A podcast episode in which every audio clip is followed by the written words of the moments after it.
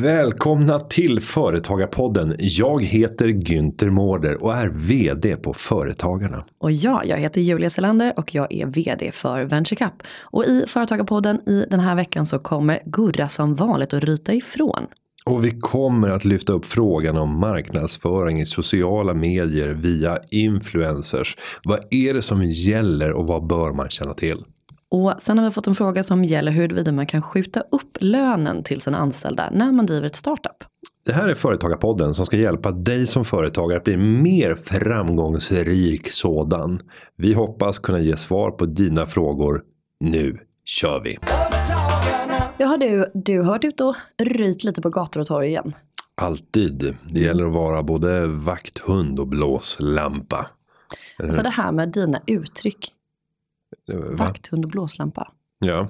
Mm. Vi, vi sätter paus där. Jag menar att du har varit ute och ryt och hörts. Vad, vad är det du tror att jag tänker på? Nej, det är väl, Magdalena har varit ute och svingat återigen mot företagare. Och eh, det här blir någonstans oacceptabelt mot bakgrund av det januariavtal som man har varit eniga om ska genomföras. Och där pratar man om att man ska främja företagande.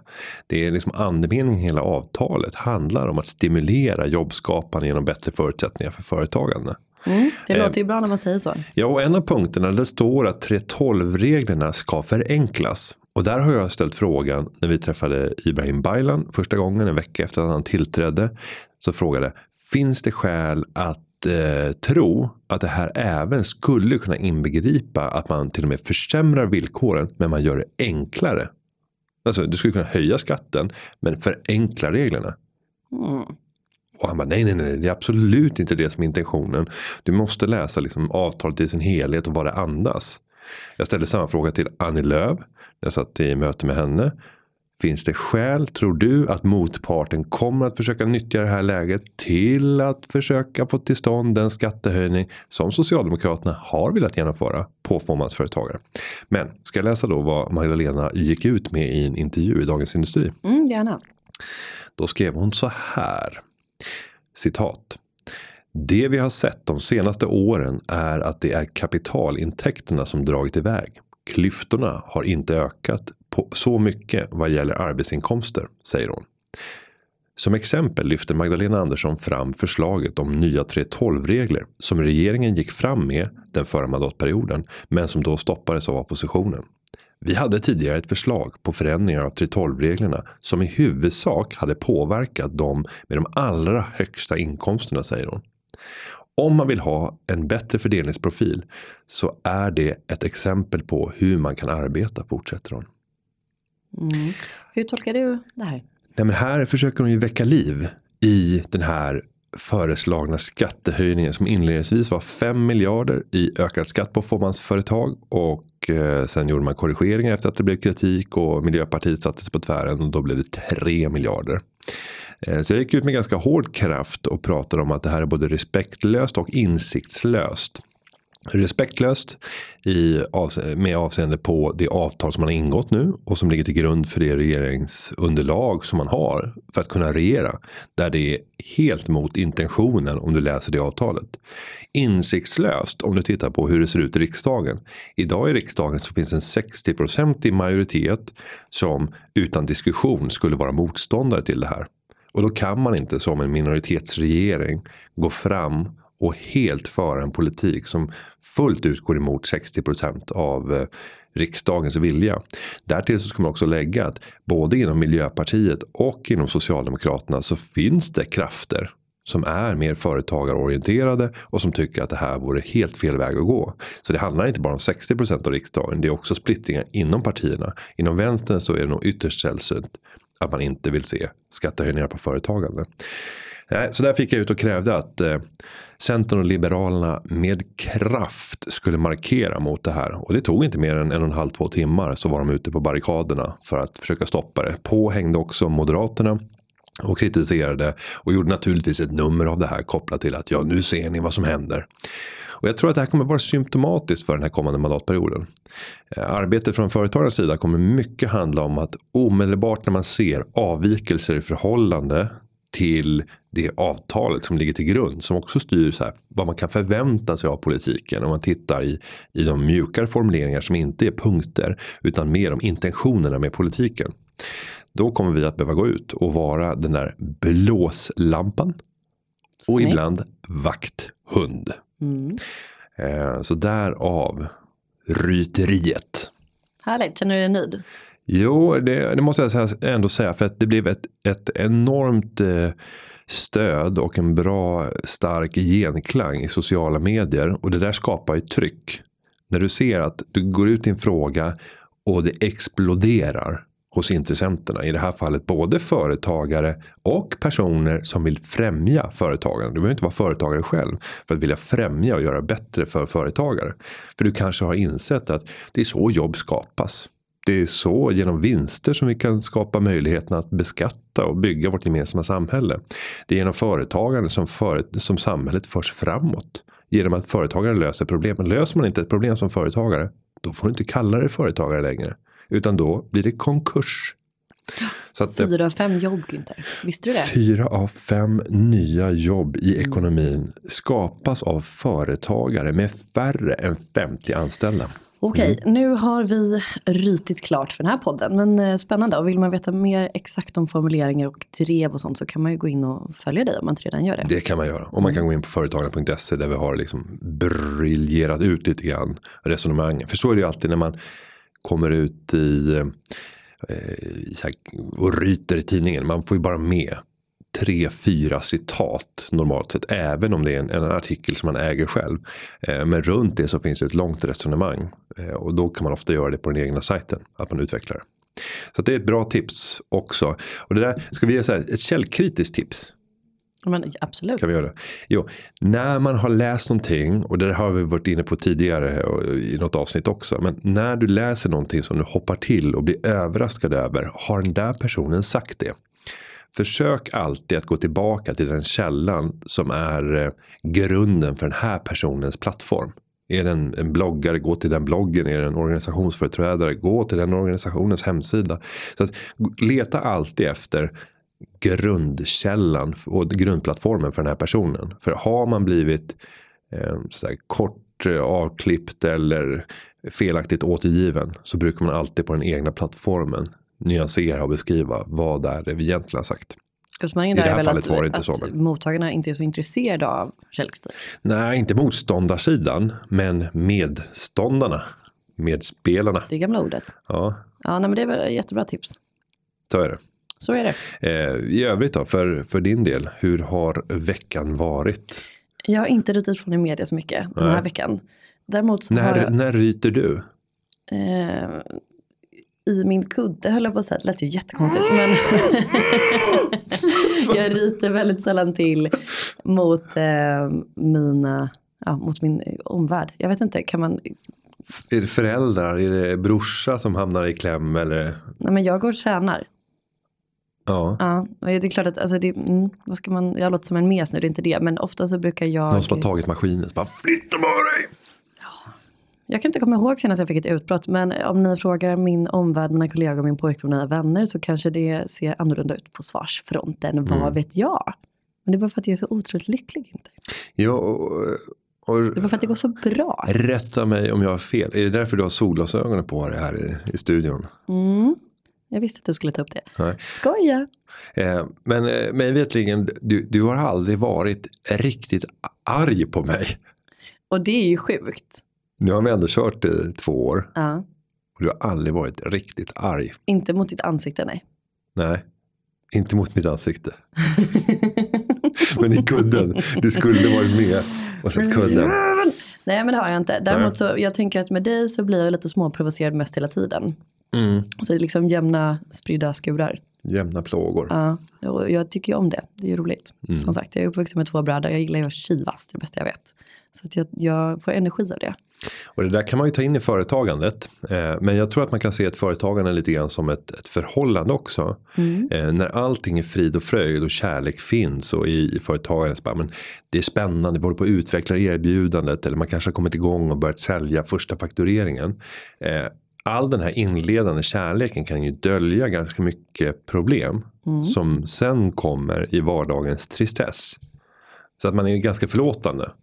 Ehm, Men man ska nog vara ganska orolig både som företagare och som partner om man redan tidigt i ett eh, förhållande eller i ett eh, partnerskap affärsmässigt börjar störa sig på den andra personen. Ja, absolut. Du är orolig för företag på den framtid. Ja. Ja. Så att kära lyssnare, det är någonting vi vill meddela. Nej, nej, Ja. nej, nej. Nej, men jag tänker så här. Det ultimata livet enligt mig är ju att man såklart råkar ut för motstånd och duster till höger och vänster hela tiden. För annars så har man ju satt sig själv på en alldeles för lätt och eh, icke utmanande position. Eh, och det gör jag ju givetvis. Men jag hittar energi av att lösa dem. Så att för mig är inte det något problem. Mm. Känns det som just nu. men eh, ja, nej. Ja, vi, eh, vi kanske återkommer i frågan. Ja, vi får se. Jag känner att jag blev väldigt eh, tankfull här. Vi återkommer med det Och vi ska ju svara på frågor i meningen Det här. ska vi göra. Men vet du, jag vill bara säga en Mm. sak för er kära lyssnare som har följt med ett tag och som lyssnar frekvent, vilket många av er gör. Ehm, kommer du ihåg mitt nyårslöfte? Eh, ja, vilket av dem? Det var, det var körkortet. Ja, precis. Ja. Och sen så avslöjade jag också att ja, men det jag har fokuserat på nu i början av året hittills är att jag anmält mig till en eh, kurs i fallskärmshoppning. Så det ska jag ju göra nu i- Mm. i april. Det ska bli kul. Ehm, och då kan man undra, vore det inte bättre att ta körkortet först? Jo, men nu vet ni, på tisdag, då är det hjulet som hoppar in i bakom ratten för första gången på tre och ett halvt år och eh, försöker igen. Men då är det körskola. Ja, Det är precis. inte, du har inte bokat uppkörning som första. För annars, annars kan man ju tänka så. Att eh, istället för att ta körlektioner. Så tar man eh, uppkörningar. Mm. Det kostar ju typ lika mycket. Eller? Vad kostar en uppkörning? Det är faktiskt helt sant. Då får man ju också eh, extrem eh, fokus. Ja, och sen är det så här att du kommer ju alltid få synpunkter på. Ja, nu, det var det här och det här och det här. Som du inte klarade. Mm. Ja, då försöker man tänka på det nästa gång. Och så bara, ja, Julia, nu är det 14 uppkörningen här då. Är det, Jag tänker också att man kanske, om man gör det, ja, om man, om man får liksom uppmärksamhet för det, att men herregud den här stackars människan har kört upp 14 gånger, då kanske de blir också blir lite snällare i sin bedömning. Eller inte så det funkar. Ja, sen kan du ju välja tid Mm. också. Och då föreställer jag mig det här, ni som, eh, vi har ju bra kontakt med trafikskolornas eh, eh, samlingsorganisation. Jaså? Så de, de har ju, ja men inom företagarna. Och, och där skulle man kunna tänka sig att de har statistik på hur uppkörnings, eh, vad säger man? Eh, inspek, inspektörerna, vad kallar man det? Uppkörningsledare, ja, kontrollanten. Mm. Ja. De har säkert något coolare. Så är det säkert. Mm. Men visst måste det finnas statistik på vilken tidpunkt under vilken dag som det är högst respektive lägst sannolikhet att klara. Sen, sen är det frågan så här, vad är hönan, vad är ägget? Det kanske är så här att slarviga personer bokar normalt sett vissa typer av tider. De, alltså, bästa tiden det är så här 07.30. För personer som kan vara på plats 07.30 Mm. det är liksom eh, det- är samhällets eh, hjältar. Som, Jag förstår hur du tänker. så det kan finnas en sån bias. Men sen tänker jag också så här. Fredag eftermiddagar. Alltså en fredag klockan fyra. Alltså feeling, fredagsfeeling hos Man vill den inte här göra någon inspektören. besviken innan helgen. Nej, man har redan, alltså den här inspektören har redan börjat liksom checka ut, tänker tacofredag, tänker snart är det mello. Eh, så bara klart du ska ha körkort. En dyster bild av samhället du målar upp här tycker jag. Men tror du att det finns någon sån där? Du, Ja men det tror, jag tror att det var lite mer så förr i tiden kanske. Men Förr i tiden var det så. Varför, varför Nej, men, nej, men det var så roligt att du var så bestämd. Jag, jag tror att det var så mer förr i Ja, tiden. jag Varför skulle det varit så mer förr Där- i tiden? Därför att jag har underlag för detta. Jo, det ska jag ta och berätta för dig. För förr i tiden. Nej, men mm, tyst nu och lyssna för en gångs skull. Eh, jag tänker så här, med internet så finns det olika ratings på olika trafikskolor och då är det en skärpt granskning av, hur, alltså det är väl klart att folk försöker eh, räkna ut vad det är lättast och svårast att ta körkort, men så som det var förr i tiden, att man kunde åka till Kinnekulle och bara så här åka dit och så, det är så himla lätt att ta körkort där, för där finns bara en eh, rondell. och så åkte alla stockholmare och vad fan det nu är för folk som åker dit och gör det. Och då blir de körskollärarna eh, irriterade på det. Och då blir de ännu hårdare. Så att jag Mhm. tror att eh, med internet och ratings och sånt så, så blir det lite blir svårare att vara lite mer laissez-faire grej. Att så här, nu är det fredag, ja ja, det var inte så bra, men tar du det där körkortet. Sen är det ju två dimensioner. För körskolan kan ju antingen vara den som har bokat upp. Mm. Och de skickar ju inte iväg en elev med mindre än att de själva tycker att personen normalt. Man kan Sen säga kan att den gången privat. som jag körde upp, det vill säga den enda gången när jag hade kört exakt nio eh, lektioner på körskolan, inte övningskört någonting i övrigt och sen tänkte ja ja, jag har det här i en liten ask. Tror du att det var jag som anmälde den uppkörningen eller tror du att det var trafikskolan? Jag tror att det var du som anmälde den. Mm. Hur gick det då? Det gick inget bra. Det gick ju så bra, Och, nej. och, och du försökte du ens få körskolan att boka den? Nej, varför skulle jag göra det? Jag kan väl göra det själv. Nej. För det är en annan skillnad. Jo, när du men kommer det dit har jag körskolan. ju insett nu. Det var väl ingen som sa det här till mig. Nej, för att eh, det är min erfarenhet i alla fall. Jag körde ju två privata uppkörningar och sen så eh, och failade följaktligen. Och sen på tredje, då var det med körskolan. Okej, då gör vi så här. Ett vad? Du ska klara Jag ska klara mig på andra. på andra försöket. Mm. Ingen press Julia. Fy fan vad gött, nu har jag ett mål. Eh, nej, men jag tror att också det, det borde finnas listor på typ olika politiker och andra kändisar. Hur många eh, liksom, försök de behövde. Mm. Typ, vad fick inte på högskoleprovet? Hur många försök? Ja, men den, är, den är ju offentlig. Ja, men det här borde också vara offentligt. Jo, och jag undrar om det inte är offentligt Men har någon egentligen. gjort en sån? Ja, det borde Ja, för det är ju ett myndighetsbeslut. Ja. Eh, det, mm. Men jag tänker, någon borde ju ha gjort precis som du sa. Att istället för att ta körlektion så bokar man bara 14 uppkörningar. Det borde vara samma, eller till och med billigare pris. Mm. Annars, jag skulle Och kunna rätt som det så halkar man ju igenom. Ja, Exakt, jag skulle kunna tänka mig att vara den försökspersonen. Om en dug inte eller någon annan vill sponsra det här experimentet. Mm. Så kan jag tänka mig att Ja, men vi går ut och gör en shout-out till våra lyssnare. Vill du vara sponsor till eh, finansieringen av Julias eh, oändligt antal uppkörningar utan körlektioner däremellan? Eh, och sen får du se ihop något paket. Och, det, och det där leder oss ju osökt in till den första frågan som vi har fått in till Företagarpodden här det idag. gör det snyggt. Och de här för, frågorna kan man skicka in via hashtag Företagarpodden på Twitter och på Instagram. Eller gå in på företagarpodden.se och skriva frågan vilket Moa i Solna har gjort. Det har hon. Moa skriver så här. Tack för en rolig podcast. Hur gör jag för att marknadsföra mina produkter via sociala medier utan att riskera böter? Mm, och det här är en fråga som har vuxit i dignitet något enormt de senaste åren. Men, men då eh, kan man ju ta upp att eh, om du ska använda en influencer Mm. och eh, marknadsföra dig via den personen. Så är det väldigt viktigt att den personen tydligt skriver att det är marknadsföring. Att det här är en annons. Om vi ska ta ett steg tillbaka så kan vi ta tidningsvärlden. När den började spåra ur lite grann. Tidningar är ju väldigt Vänta, vänta, pratar vi nu om förr i tiden? Förr i tiden. Mm. Förr i tiden. Eh, när man insåg att en tidning uppbär ju en hög grad av legitimitet. Men om man då gör en annons som liknar ett redaktionellt innehåll. Så kan läsaren tro att det är journalisterna som har skrivit det här. Men jag har fått styra budskapet eftersom jag har köpt annonsen. Just det. Så det här är egentligen förstadiet till det läget vi befinner oss i idag på sociala medier. För då förekom det inledningsvis att det var svårt att veta var det här en annons eller inte. Men sen blev det väldigt tydliga regler kopplat till det här och det är det vi ser idag. Då har den här ramen runt, även om det ser redaktionellt ut, så finns det alltid en ram runt.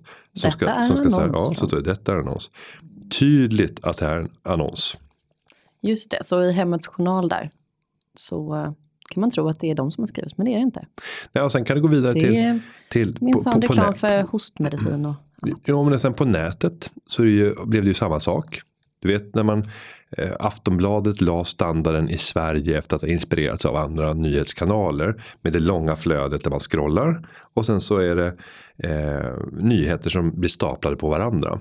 Sen var det ju några som kom på att här kan man ju köra liksom content marketing. Att man gör en någonting som ser ut som en nyhet. Precis som det ser ut på Aftonbladet i övrigt. Eller på någon annan nyhetssajt.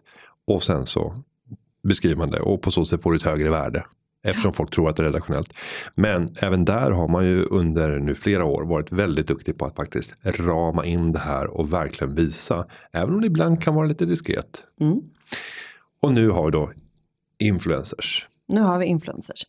Ja, Och där är det ju väldigt dåligt. Måste man ju säga generellt. Är inte det din uppfattning?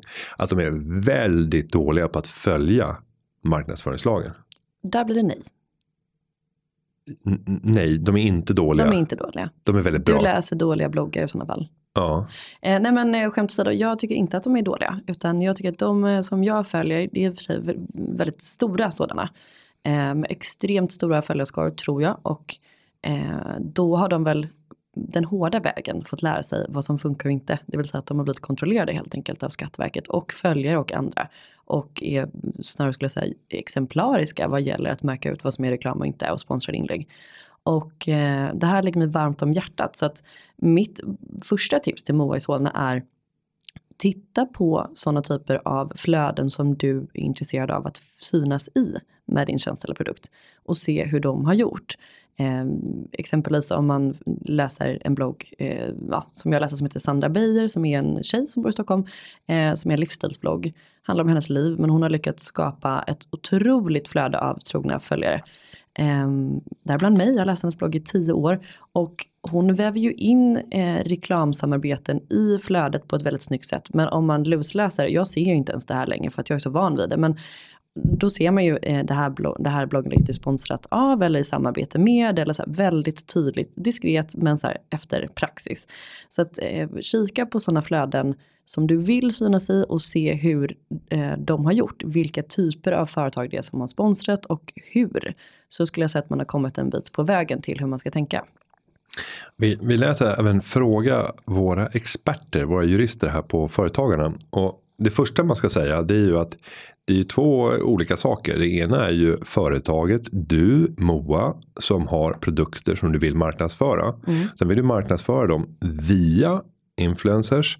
Och om de inte skriver att det är marknadsföring. Det är tuffare för dem. Det är de som riskerar att åka hårdare dit. Eh, Eftersom det är de som inte har skött sig. Men sen så får inte du skriva ett avtal som manar till att bryta mot marknadsföringslagen. Men det är viktigt att skilja på vem är det som gör, gör rätt eller vem är det som gör, gör fel. Men det de, eh, våra experter tog upp. Det är bland annat eh, marknadsföringslagen paragraf 9. All marknadsföring ska utformas och presenteras så att det tydligt framgår att det är fråga om marknadsföring. Och där finns det olika tolkningar så att de har tagit upp lite exempel. I bloggar så tycker de att det är inledningen av texten ska framgå. Inte i slutet att det är ett reklamsamarbete. Eller att du på något sätt är finansierad för att skriva det du har skrivit. Och då kan man exempelvis gå in och kika på eh, ja, valfri blogg. Och då står, det är nästan likadant. Det står alltid så här i kursiv eh, smal text. Det här är ett eh, sponsrat inlägg i samarbete med bla bla bla. Och sen börjar blogginlägget. Och sen eh, på Youtube så säger de även i början av inlägget bör det framgå, inte i slutet. Eh, på Instagram så tycker de att man bör eh, skriva annons, antingen så här hashtag annons inledningsvis eller annons med stora bokstäver för att förklara att här bakom ligger en ekonomisk transaktion som gör att jag har drivits på att skriva det här. Sen kan man göra som vem, vilket företag var det som körde den reklamgängen? Det här får jag betalt för att säga. Men det spelar ingen roll. Jag använder hm, ändå. Kommer du ihåg det? Nej, Det här får jag betalt för att säga. Men det gör ingenting. Vi får kolla upp det. Eh, det kan vara lyssna Det var ju gammal, jo men det var ju, det var ju 90-talet. Förr i tiden. Förr i tiden, förstår du? Förr Nej men det låter ju tiden. snillrikt för att eh, låna ett av dina favorituttryck. Mm. Och det kan man ju också göra eh, reklam. Man kan ju göra den snillrik. Man kan ju se det på ett sätt som att säga, jaha det här är tråkigt. För annars skulle man kunna lura följarna av olika sociala flöden att tycka någonting. Eh, men följare är smartare än vad man tror. Och eh, alltså det viktiga när man ska eh, sponsra eh, en blogg eller ett annat medieflöde. Det är att produkten eller tjänsten ska passa in i den personen och det de står för. Alltså skulle skulle jag läsa då Sandra Beijers blogg exempelvis och hon skulle göra reklam för någonting som jag då som läsare inte tycker passar in i hennes liv på ett sjukt sätt då eh, såklart som bara allmän tittare av hennes liv. Eh, då skulle jag ju bli snarare motsatt effekt. Då skulle jag ju tycka att det var tramsigt. Då skulle jag börja ogilla varumärket och tycka att både hon och varumärket är köpt. En sellout. Ja, och det, det, det, är, alltså, det finns nolltolerans för det. Det finns exempel på massvis med bloggare som har, som, alltså, de, de måste vara på, på rätt sida av den gränsen. Eh, och bloggare får ju otroliga mängder med bud. Alltså för bara kanske fem år sedan så fick ju, alltså innan det här reglerna blev så tuffa så fick ju alla bloggare hur mycket bud som helst. För att hade du tagit emot eh, olika produkter och tjänster som en gåva eh, utan att du själv har beställt den. Då kan du ju skriva i bloggen, oj titta vad jag fick för bud idag, det här var ju en fin grej. Och så liksom så här, desto dyrare saker som företag skickade, desto större chans kanske det var att då bloggaren i fråga tog upp. Och så var det värt jättemycket pengar för att mm. om du har liksom en miljon följare och så vidare. Eh, då kan du skicka en jättedyr väska exempelvis, men det funkar inte så länge. Eh, och dessutom så är det väldigt svårt att sticka ut i den här otroliga budmängden. Men det är fine. Alltså... Sen, sen, har du de här mer svåra eh, komponenterna, om vi ska titta på gråzoner. Om man då har en livsstilsblogg då kommer du se ditt hem. Mm. I eh, bakgrunden så kommer du se möblemang och inredningsdetaljer. Du kommer se eh, skönhetsprodukter. Och det kan ju vara så att det här är produkter som jag annars skulle ha. Det är inte så lätt för den som ska granska och faktiskt döma om, om det här är ett samarbete eller inte. Men det här är jätteintressant. Vi kanske borde ta hit någon sån expert och kolla hur de gör. För det är precis som du säger. Hur ska jag kunna veta om den här ljusstaken från Svensk Tenn som förekommer i två bilder på blogginlägg den här mm. veckan. Då kan du också som bloggare om du är sneaky hävda att ja, jag har fått många frågor om varifrån ljusstaken kommer. Den kommer från Svensk Tenn. Mm. Hur ska, vad, vad är det? Det är absolut en gråzon. Nästa sak, om vi ska verkligen stretcha det och jag gillar ju, det händer mycket i mitt huvud när man tänker så här, vad kan man göra? Mm. För man kan ju tänka sig att vi har en stor influencer mm. som har skapat sitt eget varumärke med till exempel skönhetsprodukter. Skulle kunna finnas. Um, och sen så väljer personen att jobba väldigt mycket via sina sociala medier. För att sprida det här varumärket. Som är det företaget som man själv har skapat med produkter. det kan vara vilka produkter, det kan vara träningskläder, det kan vara ja, vad tusan som helst. Då kan man ju ställa sig frågan också, var går gränsen? För att du har att göra med en juridisk person i form av företaget och så har du en fysisk person eh, som är privatpersonen som har det stora kontot och den stora följarbasen. Hur ska man se på när man skapar värden och marknadsför sin egen produkt. Man skulle också kunna titta på mig som anställd på Företagarna. Nu är det ju alla medlemmar äger ju en del av Företagarna. Det är ju en ideell organisation så alla äger tillsammans. Men om man tänker tanken att det var så att eh, jag var en betydande ägare. Jag ägde 20% av det här företaget som jag var på. Och sen så prånglade ut och gjorde marknadsföring för de produkterna. Och tänkte att man hade anställt mig för att jag var en influencer. Mm. Och det kanske till och med är så att du anställer men du vet redan från början från båda parters sida att du ska bara vara inne här i två veckor. Det är en provanställning och sen så avbryts den och vi kommer inte göra något väsen av oss. Utan du kör bara stenhårt. Det blir som en, en reklamkampanj. Du kommer in och jobbar åt företaget. För det är okej att man pratar om det, det företaget man jobbar för. Där kan ju ingen ha synpunkter på att Åh, det, där är, det där är marknadsföring. Bara, synpunkter ska man ha. Men, jo, eh, du kan ha synpunkter men du är ju anställd där. Du, du har en skyldighet att visa lojalitet. Du har en stor följarbas. Men enda skälet till att du anställdes var för att du var en influencer och hade en stor följarbas. Mm. Och, och, du vet redan inledningsvis att den här anställningen kommer inte. Och, och, då tror jag att man skulle kunna fälla det. Om intentionen inte var att personen skulle bli anställd. Men det är väldigt svårt att bevisa. Nu är vi inne på gråzon mina vänner. Mm. Men jag tycker att det är spännande för att kreativiteten hos olika influencers är ju stor. Och um, jag tänker då. Alltså det finns ju hur många exempel som helst. Men om vi tittar på Isabella Löwengrip. Hon har precis lanserat ett nytt eh, märke som heter Hermin Hold. Som är för eh, alltså scarfs och eh, liksom olika spännen och smycken för håret. Eh, och det här passar ju in i hennes följarflöde perfekt. De lanserade eh, här nu alldeles precis. Och hon skriver ju såklart om detta. Hon har ju på sig sådana här sjalar hela, hela tiden. Och då om man ska ta det som ett exempel. Om jag inte minns fel så är det så här att när hon bara har det på sig så skriver hon ofta när hon tar liksom outfitbilder var hennes kläder kommer ifrån. Det får man ju liksom göra för att det är allmänt intresse typ. Um, men när hon skriver om märket och typ så här ser förpackningen ut. Nu har vi haft ett produktmöte kring det här eller alltså någon slags uppmaning. Då måste hon alltid skriva i samarbete med Hermin Hold och alla vet att ja, det är ju ditt eget märke. Mm. liksom att man räddar sig kring det. Jo, det är viktigt för återigen, där har du den fysiska eh, personen som är bolaget. Och den, eller den juridiska personen och den fysiska personen som är privatpersonen. Mm. Och de är ju olika. Menar, du har ett organisationsnummer som är likställt med ett personnummer. Mm. För det är en juridisk person. Men de ska så, inte sammanblandas. Nej, det ska de inte. Men på ett sätt så kan man tänka sig så här. För mig som läsare som är också intresserad då av att följa de här personerna men också av deras eh, karriärer och som unga Eh, business och alltså stjärnor och entreprenörer som de är. Exempelvis en annan bloggare som heter Petra Tungården.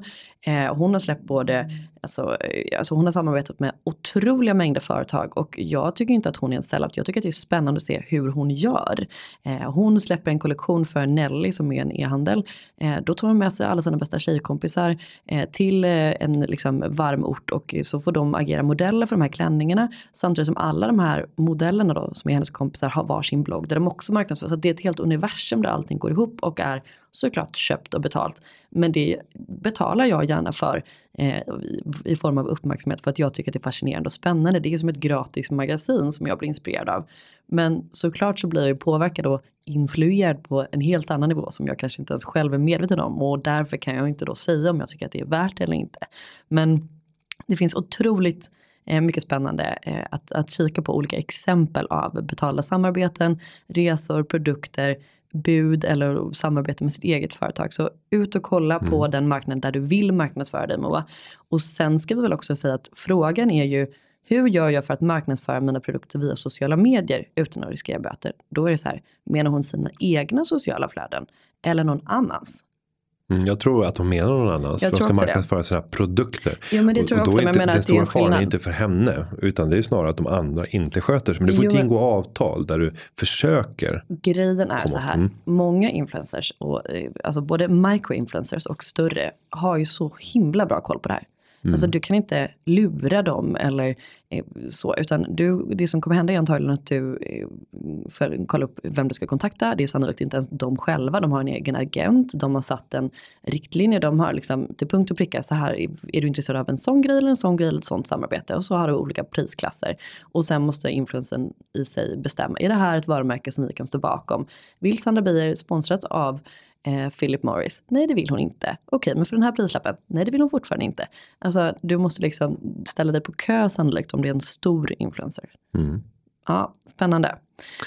Men om ni är intresserade av att veta mer om hur man gör det här, vilket jag uppenbarligen är, så kan Bombardera vi försöka... oss med frågor och så kanske vi ser om, om det kommer jättemycket frågor kopplade till just marknadsföring via influencers, så kanske vi väljer att plocka in en person som får förklara hur de jobbar och kanske experten från Skatteverket, vad ja, vet jag? I jag skulle kunna bjuda in båda sidor tänker jag då. Att vi bjuder in experter på hur man ska göra regelmässigt och sen kanske vi försöker bjuda in någon influencer som kan ge lite också exempel. För det snaskiga är ju att veta, okej okay, men vilka värden är det det rör sig om? Hur många? Hur ofta? Folk fattar ju att det är en, en lukrativ business men man vill ju veta lite juicy och, och, var och var går gränserna? För jag tänker också så här, tänk att du hade en streamingtjänst. Det kan vara så här, Spotify eller Netflix.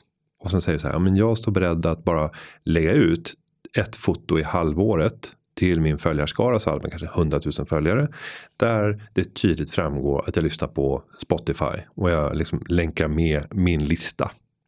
Eh, när du inte, ja, men att få diskussioner om vilka gränsvärden finns. I det här fallet så handlar det om 1200 kronor per år som en premiumlicens skulle kosta. Mm. Och det är en produkt som kan anses användas av i princip alla unga människor. Ja. Eh, och det är inte konstigt att dela en lista. Det är det inte. Nej, verkligen inte. Nej. Så, var går gränsen? Du förstår vad jag är ute efter. Absolut. Och det har inte utgått någon ekonomisk ersättning. Du har fått det kostnadsfritt. Det finns många andra som kan få det kostnadsfritt för att man hittat en kampanj eller man köpte en telefon och fick det på köpet. Och Ja, Just det tror jag är ganska safe. Men vad vet jag? Ja, Sånt ska vi ta reda på. Jag är inte helt säker. Mm. Men eh, bombardera oss med frågor, case, annat när det gäller samarbeten i en digital kontext där det mer eller mindre framgår att det är ett samarbete. Ibland utgår det pengar, ibland utgår det bara produkter. Ibland utgår det digitala produkter som inte har någon marginalkostnad för ytterligare en användare. Det här är spännande. Mm, och vill någon sponsra mig eller Günther med våra följare så är vi öppna för förslag. Du kan höra av dig till Ja, vi, vi, Skoja. Jo, men vi ska också erkänna att eh, det kändisskap som har kommit via podden har ju ibland erbjudit vissa fördelar. Vi kan ju säga att eh, efter att vi hade haft en fantastisk intervju här eh, så fick vi plötsligt eh, både lite tandkräm och tandborstar från Humble Brush. Eller hur? Så jag har borstat tänderna i ingefära och kanel Mm, jag med. de senaste Charcoal. veckorna. Car, Och det här har jag då inte förmånsbeskattats för Skatteverket. Utan jag har nu tre tuber tandkräm hemma som jag har fått som ett Det här är resultat. ett skop som du bara slänger ut. Ja, varsågod. Skatteverket, Eh, hör ni vad han säger? Eh, nej men precis, och det är väl på den nivån som just sponsorskapet sträcker sig för, för min del. Det här var ju ett skämt, men eh, ja, vill ni sponsra mina försök att eh, köra upp så eh, hör av er, ska Ja. vi se. Och då kommer jag naturligtvis vara noga med att märka ut att det är ett reklamsamarbete. Så med det svaret, Moa, Ingen vill ställa någon mer frågor, man får liksom aldrig något rakt så svar. går vi vidare. Och innan vi tar tag i nästa fråga så tänkte jag göra en shout-out. Eh, och det handlar om Företagaren, och det är ju tidningen Företagaren, eh, gör varje år en lista. Och den, den här listan har gjorts i flera år nu som heter 103 unga idéer. Där försöker vi lyfta fram 103 stycken unga entreprenörer som är tidigt i, i sitt entreprenörskap och där det ska finnas en potential att det här är personer som kommer att forma entreprenörssverige framöver för de kommande decennierna. Eh, den här listan, den vill vi ha din hjälp med att göra genom att du nominerar in alla de här fantastiska personerna som finns ute i entreprenörssverige. Så jag kommer se till att det kommer ut ett inlägg på Instagram, på Företagarpoddens Instagram. Jag kommer själv köra ut det via Twitter för att det är dags att nominera för att vara underlaget till den här listan där urvalet sen ska kortas ner till 103 stycken. Och jag tänker att många av de som är med i Venture Cup är väl ytterst lämpliga. Absolut, både de som är med nu och de som varit med tidigare. Så att eh, en, en uppgift att skicka till dina regionchefer är ju så här. Mata in alla som har varit med i Venture Cup. Se till att vi ska dominera den här listan. Vad får den för det då? Eh, Skoja. mycket uppmärksamhet. Ja, nej men det är ett Och vissa utmärkt ko- kommer till och tillfälle. med få sitta här i podden. Exakt, det är ett Mm. utmärkt tillfälle för att hjälpa entreprenörerna eh, att få fantastiskt fin marknadsföring, både i tidningen eh, och här i podden. Ja, för vi kommer välja ut några av dem som eh, toppar den här listan. Och Såklart. bjuda in dem till podden. Ja, och eh, på tal om Venture då så vill jag ju också göra ett shout-out. Eh, vår tävling Startup, den öppnade den första februari. På min födelsedag faktiskt, var det en slump? Jag vet inte. Den har öppet till den 2 april. Och då är det till för alla nystartade bolag som eh, befinner sig under en miljonsgränsen. Det vill säga man har inte omsatt mer än en miljon. Man har inte tagit in något kapital på över en miljon. Allt under det är välkommet. Man lämnar in sin pitch deck, man lämnar in kanske en videosnutt eller en beskrivning om vad det är man har för affärsidé. Eh, och det finns regler och eh, kriterier och allt sånt vad juryn kikar på. Man kan vinna prispengar, PR och en jäkla massa roligt. Och eh, man får feedback. Alla idéer får feedback. Det är helt gratis. Och ni vet vad ni ska tävla. Det är på venturecup.se. Bra. Mm. Då går vi vidare till den sista frågan. Och det är Erik i Stockholm som har en fråga. Då ska vi se vad han frågar. Hej, jag undrar om vårt startupbolag kan vänta med att betala ut lön till våra anställda. Svaret är nej. Men det kan också bli ja. Vi har låtit fråga företagarnas juridiska experter. Och eh, då är det viktigt att eh, först konstatera att ja, ett eh, anställningsavtal är ett avtal mellan två parter, arbetsgivaren och arbetstagaren. Eh, I utbyte mot arbete ska utbetalas lön. Ja. Men det kan ju vara så att man avtalar att den här lönen ska utbetalas vid ett senare tillfälle än vad som normalt är brukligt. Normalt så har man ju som standard den 25 betalas lön ut och där har ju styrts av de kollektivavtal som annars finns på marknaden och eh, det har bildat norm. Jag kan faktiskt inte säga varför blev det just den 25. Är inte det lite konstigt? Det finns säkert någon rimlig förklaring. Varför är det inte så här den första eller den sista i månaden? Varför är det just den 25? Men är det inte att, ja, jag vet inte vad som kom först, det är väl lite hönan och ägget Men där det är, också. lite, är det inte lite roligt? Varför är det inte den 17? Vad, vad, vad var det som gjorde att Den det 17 blev är så? ju mest rimligt egentligen. Ja, Mm. Nej men jag tänker att sen har ju hela samhället byggts upp långsamt på det här. Ja. Att olika kampanjer, det är inte någon slump att man får attackmeddelanden av olika så här, kom och fynda det här och så är det precis dagen efter alla fått lön. Eller eh, sista veckan innan löning, då lägger man gratis event för att locka in kunder som kanske vill ha gratis lunch. Eller så så det finns ju olika sätt att... Sen har det varit olika i olika branscher. Eh, När jag växte upp i byggbranschen, då hade vi ju två veckors lön. Så man hade två löneutbetalningar per månad. Det här var ju också 1945. Ja, det var på den tiden när cyklar hade stort hjul fram och litet hjul bak. Eh, nej men och det där tror jag hängde samman med att eh, det gav ett jämnare flöde och att man inte ville råka ut för situationen. Och nu är jag så generaliserande, men jag kommer ju själv från byggbranschen och själv jobbat där som rivningsarbetare och städare. Eh, att Vissa i branschen hade svårt att kontrollera när det kom stötvisa lite större summor av pengar. Och hur menar du då? Eh, det gick åt till onödiga saker och sen plötsligt blev det väldigt svårt i slutet av månaden. Men det är typiskt svenskt då att då ska, man, då ska Då samhället hjälpa till. Då blir det Då ger vi varannan lite vecka. mindre. Så kan, Och går du tillbaka historiskt då var det ju vi på fredagar vad va? jag förstår, ja då var det fredagar. Det är kuvertet, det bruna kuvertet. Alltså jag skulle må så bra av det. Jag bara, skulle må så bra av det. Här Julia, nu är det fredag eftermiddag. Varsågod och ta helg. Det kan vara okej om du ingår ett avtal där motparten, är, om du är företagare, om du, om du ger klara förutsättningar. Att jag har tänkt att anställa. Utbetalningen av den här lönen, den kommer i slutet av året och nu är det februari. Så att i slutet av året, då kommer den här lönen att utbetalas. Eh, så den utbetalas den 25 december eller den dagen närmast innan, vardagen innan 25. Eh, då är det okej. Men det, kan- du kan inte komma mitt under en anställning och eh, börja ändra villkoren. Om inte båda parter är överens om det. Och eh, saken är den att det finns ju en svagare part och en starkare part. Om du vet att den anställde är i underläge och sen går du in i vad man skulle kunna hävda då inom situationstecken en förhandling och frågar skulle det vara okej för dig att Annars så kommer företaget att inte finnas kvar. Du har inget jobb och du kanske hellre vill ha ett jobb än inte ett jobb och kunna få en lön. Så därför föreslår jag nu att vi övergår från månadslön till en årslön som betalas i efterskott. Då föreslår jag att vi kommer överens om det här. Jag tycker att vi kan vara eniga om att det här är en bra väg att gå. Här har jag avtalet. Vill du lämna på direkten på grund av att företaget inte kommer att överleva eller vill du fortsätta att vara en del tillsammans med kollegorna? Jag har kallat till personalmöte så de kommer här om fem minuter.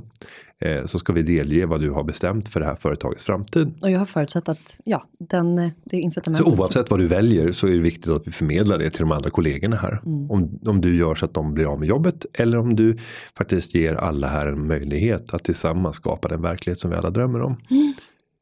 En så kallad maktposition. Ja, och den där skulle nog inte eh, anses vara giltigt att eh, gå in utan då är det ett avtalsbrott för att du har utnyttjat din ställning. Jag är inte 100% jurist här nu märker jag. Men du förstår principen. Det är okej att avtala att lön kommer att utbetalas långt i framtiden. Hur långt? Ja, jag skulle men de som kan ha synpunkter på det framförallt eh, det är ju Skatteverket om du börjar bryta år. För att då kan det anses vara så att jag hade ju gynnats av om det var en modell i min anställning som var så här att Günther, du kommer att få en lön som är så här mycket. Vi kommer att dela upp den lönen i två delar. Den ena betalas ut månadsvis i efterskott. Den andra delen, den andra halvan, den betalas ut med tio års fördröjning. Men för samma månad hela tiden.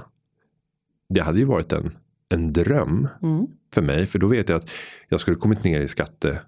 Eh, sats. Helt plötsligt så delar man en skatt som, eller en, en lön som jag betalar den högsta marginalskatten på och får betala värnskatt på.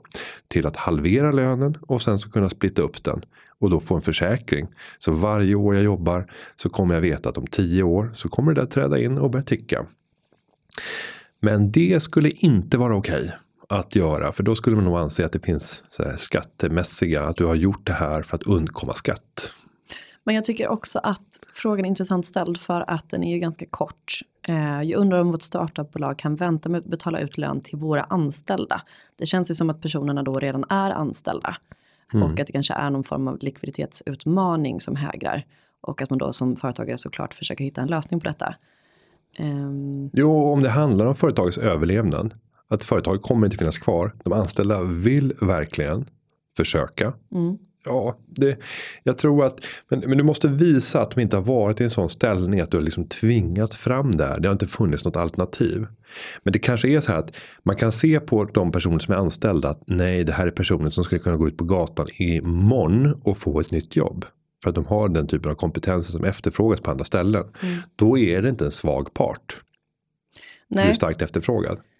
Men hur blir det sen? Jag tänker också att det, det är ju att köpa sig tid. Men eh, tiden för utbetalningen kommer ju att komma. Och då gäller det att man har pengarna då. Vad händer annars? Alltså är om jag ska skjuta på utbetalningen i vi säger ett halvår av löner. Då blir det en ganska stor summa som jag ska betala ut sen. Vad är det som säger att, att de pengarna finns då? Mm. Du behöver ju vara ganska säker på din sak innan du skriver avtal på att du ska betala ut en jättestor klumpsumma med löner om ett halvår. Och vad händer då om du inte kan betala? Och jag förstår på direkten nu att frågan blir mer och mer komplicerad. För då skulle jag vilja kasta in ett vedträ till. Och det är den statliga lönegarantin. Eh, om ett bolag gör konkurs och inte kan stå för sitt avtal gentemot eh, de anställda. Så kommer staten att träda in eh, under en viss period. Du kan bara söka på statens lönegaranti så ser du exakt omfattning. Jag har inte i huvudet. Men så kommer de täcka under ett antal månader de löner som skulle betalas ut. Och det här skulle man ju hypotetiskt kunna utnyttja i sånt här läge. Om du inte betalar ut lönerna utan du ska göra det i framtiden. Bolaget konkar. Och sen så träder statliga lönegarantin in. Eh, jag vet inte om det förekommer sånt här missbruk eller hur man ser på. Det låter som en otrolig gråzon i sådana fall. Och det Oj, känns som oj, att ja. det finns ju alltid någon som har snillrikt tänkt ut det här. Mm. Säkerligen försökt och säkerligen har detta reglerats. Googla. Googla det. Mm. Ehm, mm, men Erik, om du inte känner att du är nöjd med svaret så får du attackfråga igen så lovar vi ta upp eh, en, ett mer detaljerat svar med lite ännu mer hjälp av experter. Ja, och ring in till rådgivningen om du vill ha en enskild expert att prata med istället för att vi sitter här och bladdrar och svävar ut och pratar om oväsentligheter. Det är det ni Eh. gillar. Ja, Och med det, kära vänner, så vill vi knyta ihop den här podcasten för den här gången. Och det här avsnittet det har förberetts av David Hagen. Och podcasten den är klippt av Gustav Dalesjö. Vi hörs igen som vanligt nästa vecka, varje onsdag, hela året, året runt. Alla år. Alla år. Hej då, ha det så bra. Puss. Företagarna, ja, ja, ja, ja, ja, ja. Företagarna, ja, ja, ja, ja, ja, ja.